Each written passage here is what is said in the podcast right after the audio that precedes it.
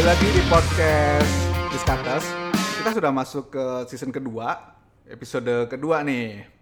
Jadi selamat datang buat teman-teman yang baru join, baru mulai dengerin.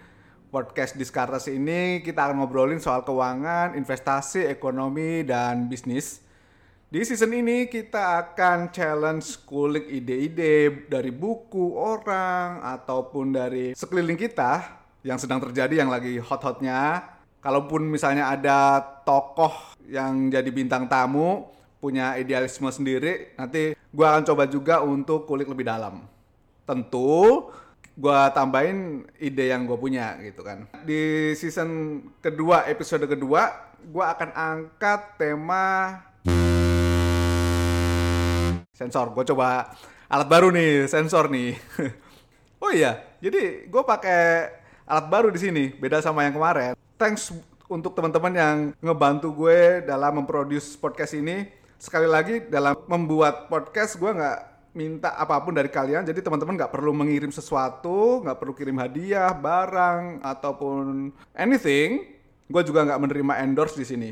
Gue akan mainkan sedikit sound effect ya buat happy happy. Ketika investasi gagal, itulah tema kita sekarang. Kenapa gue angkat tema ini? Karena gue merasa banyak orang siap untuk investasi. Duitnya sudah ada, mereka udah tahu tujuan keuangannya, mereka udah paham investasinya harus ke mana, mereka udah tahu.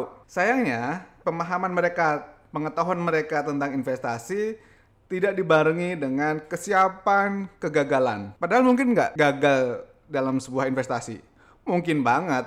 Konteks investasi kita sekarang nggak cuma masalah saham reksadana ya. Gue akan ngomong dalam scoop yang lebih luas. Bisa jadi kamu invest ke temen untuk bikin warung atau project jualan baju lah atau patungan terus beli biji kopi diolah jadi warung kopi ya anything bisa nggak gagal bisa banget nggak ada yang nggak mungkin. Jadi buat teman-teman konteks investasi gagal itu sangat memungkinkan. Kenapa buah investasi bisa dikatakan gagal?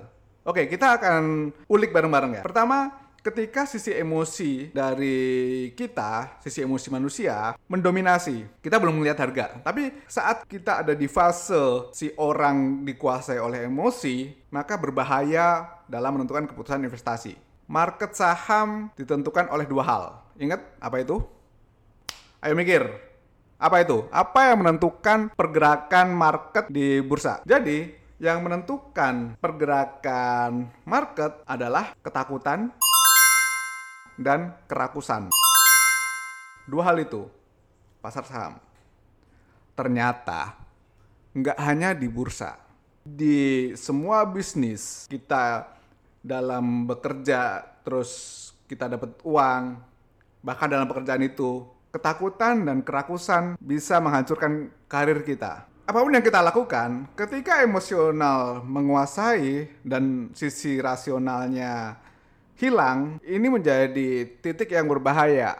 So, ketika misalnya kamu berinvestasi dan di investasi tersebut sudah dikuasai oleh ketakutan dan kerakusan, maka hati-hati. Kalau kamu ngomong investasi dalam jangka panjang, kita pasti mikirnya tanpa ada emosi. Oke, Kakanda gue mau investasi dalam tempo 10 tahun, so gue akan pilih perusahaan yang sustain, yang bisnisnya kira-kira akan bagus, laporan keuangannya oke punya, time frame gue 10 tahun kok. Tiba-tiba pasar bergejolak. Saat pasar bergejolak dalam tempo pendek, emosi baru mulai bermunculan. Contoh, ketika sahamnya mengalami kenaikan, maka grid kita muncul. Gua beli deh.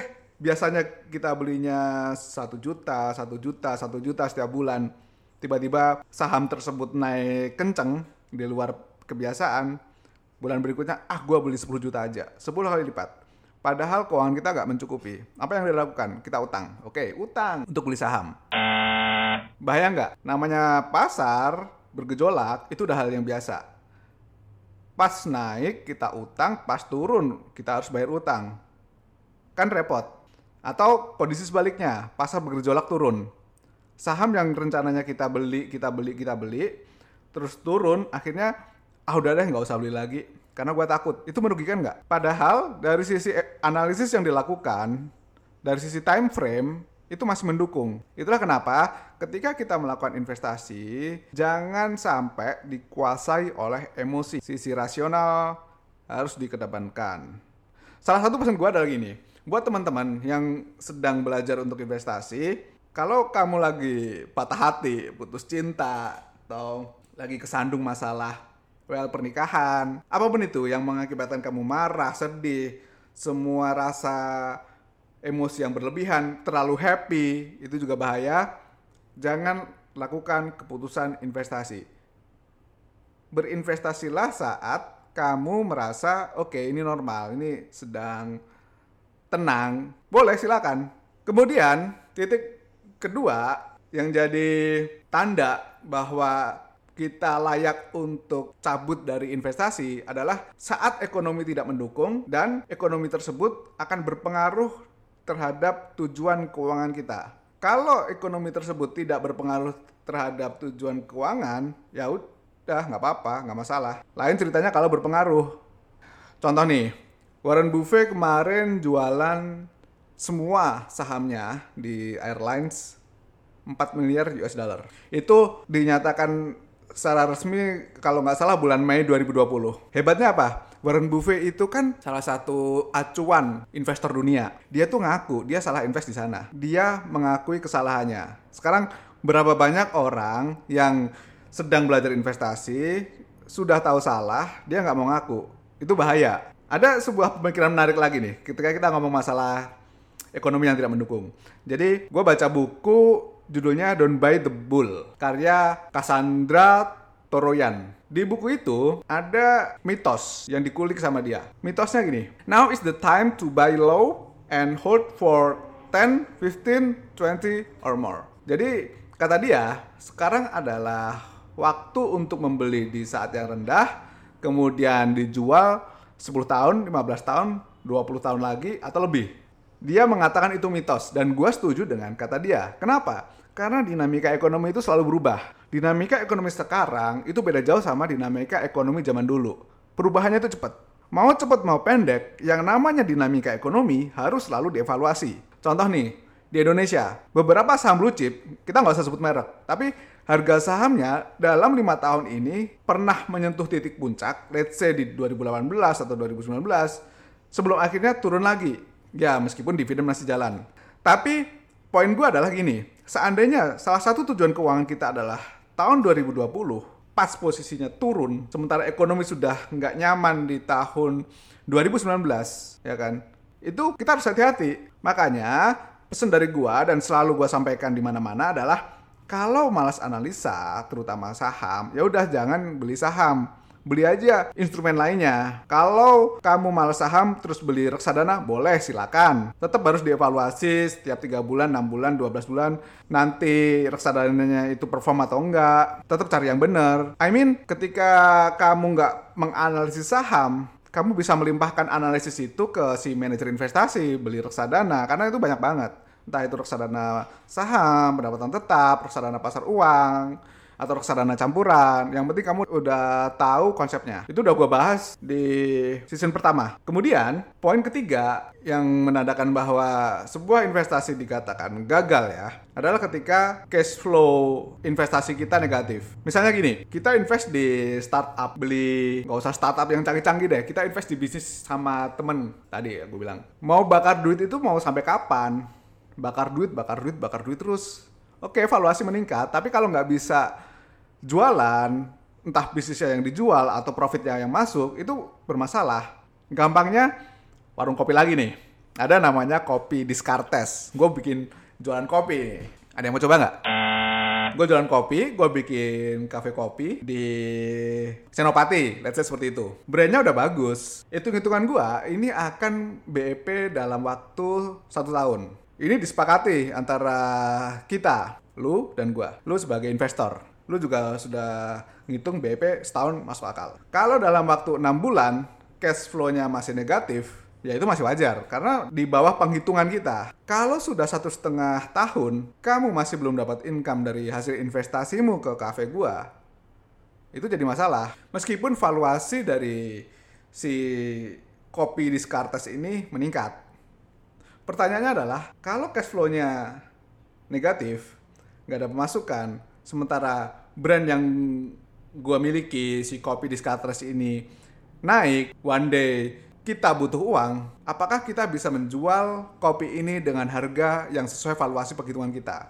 Kenapa? Karena saat kita menjual bisnis, orang yang mau beli itu juga punya appraisal sendiri, punya penilaian sendiri atas valuasi yang kita ajukan. Termasuk dalam konteks ini, ketika kita invest ke bisnis orang, apakah bisnis si orang itu bisa untuk bayar gaji yang layak ke karyawannya? Soalnya kalau karyawan digaji dengan nilai yang nggak layak, itu tandanya nggak punya duit di bisnis. Termasuk juga apakah karyawan-karyawannya atau ownernya care sama bisnisnya sendiri.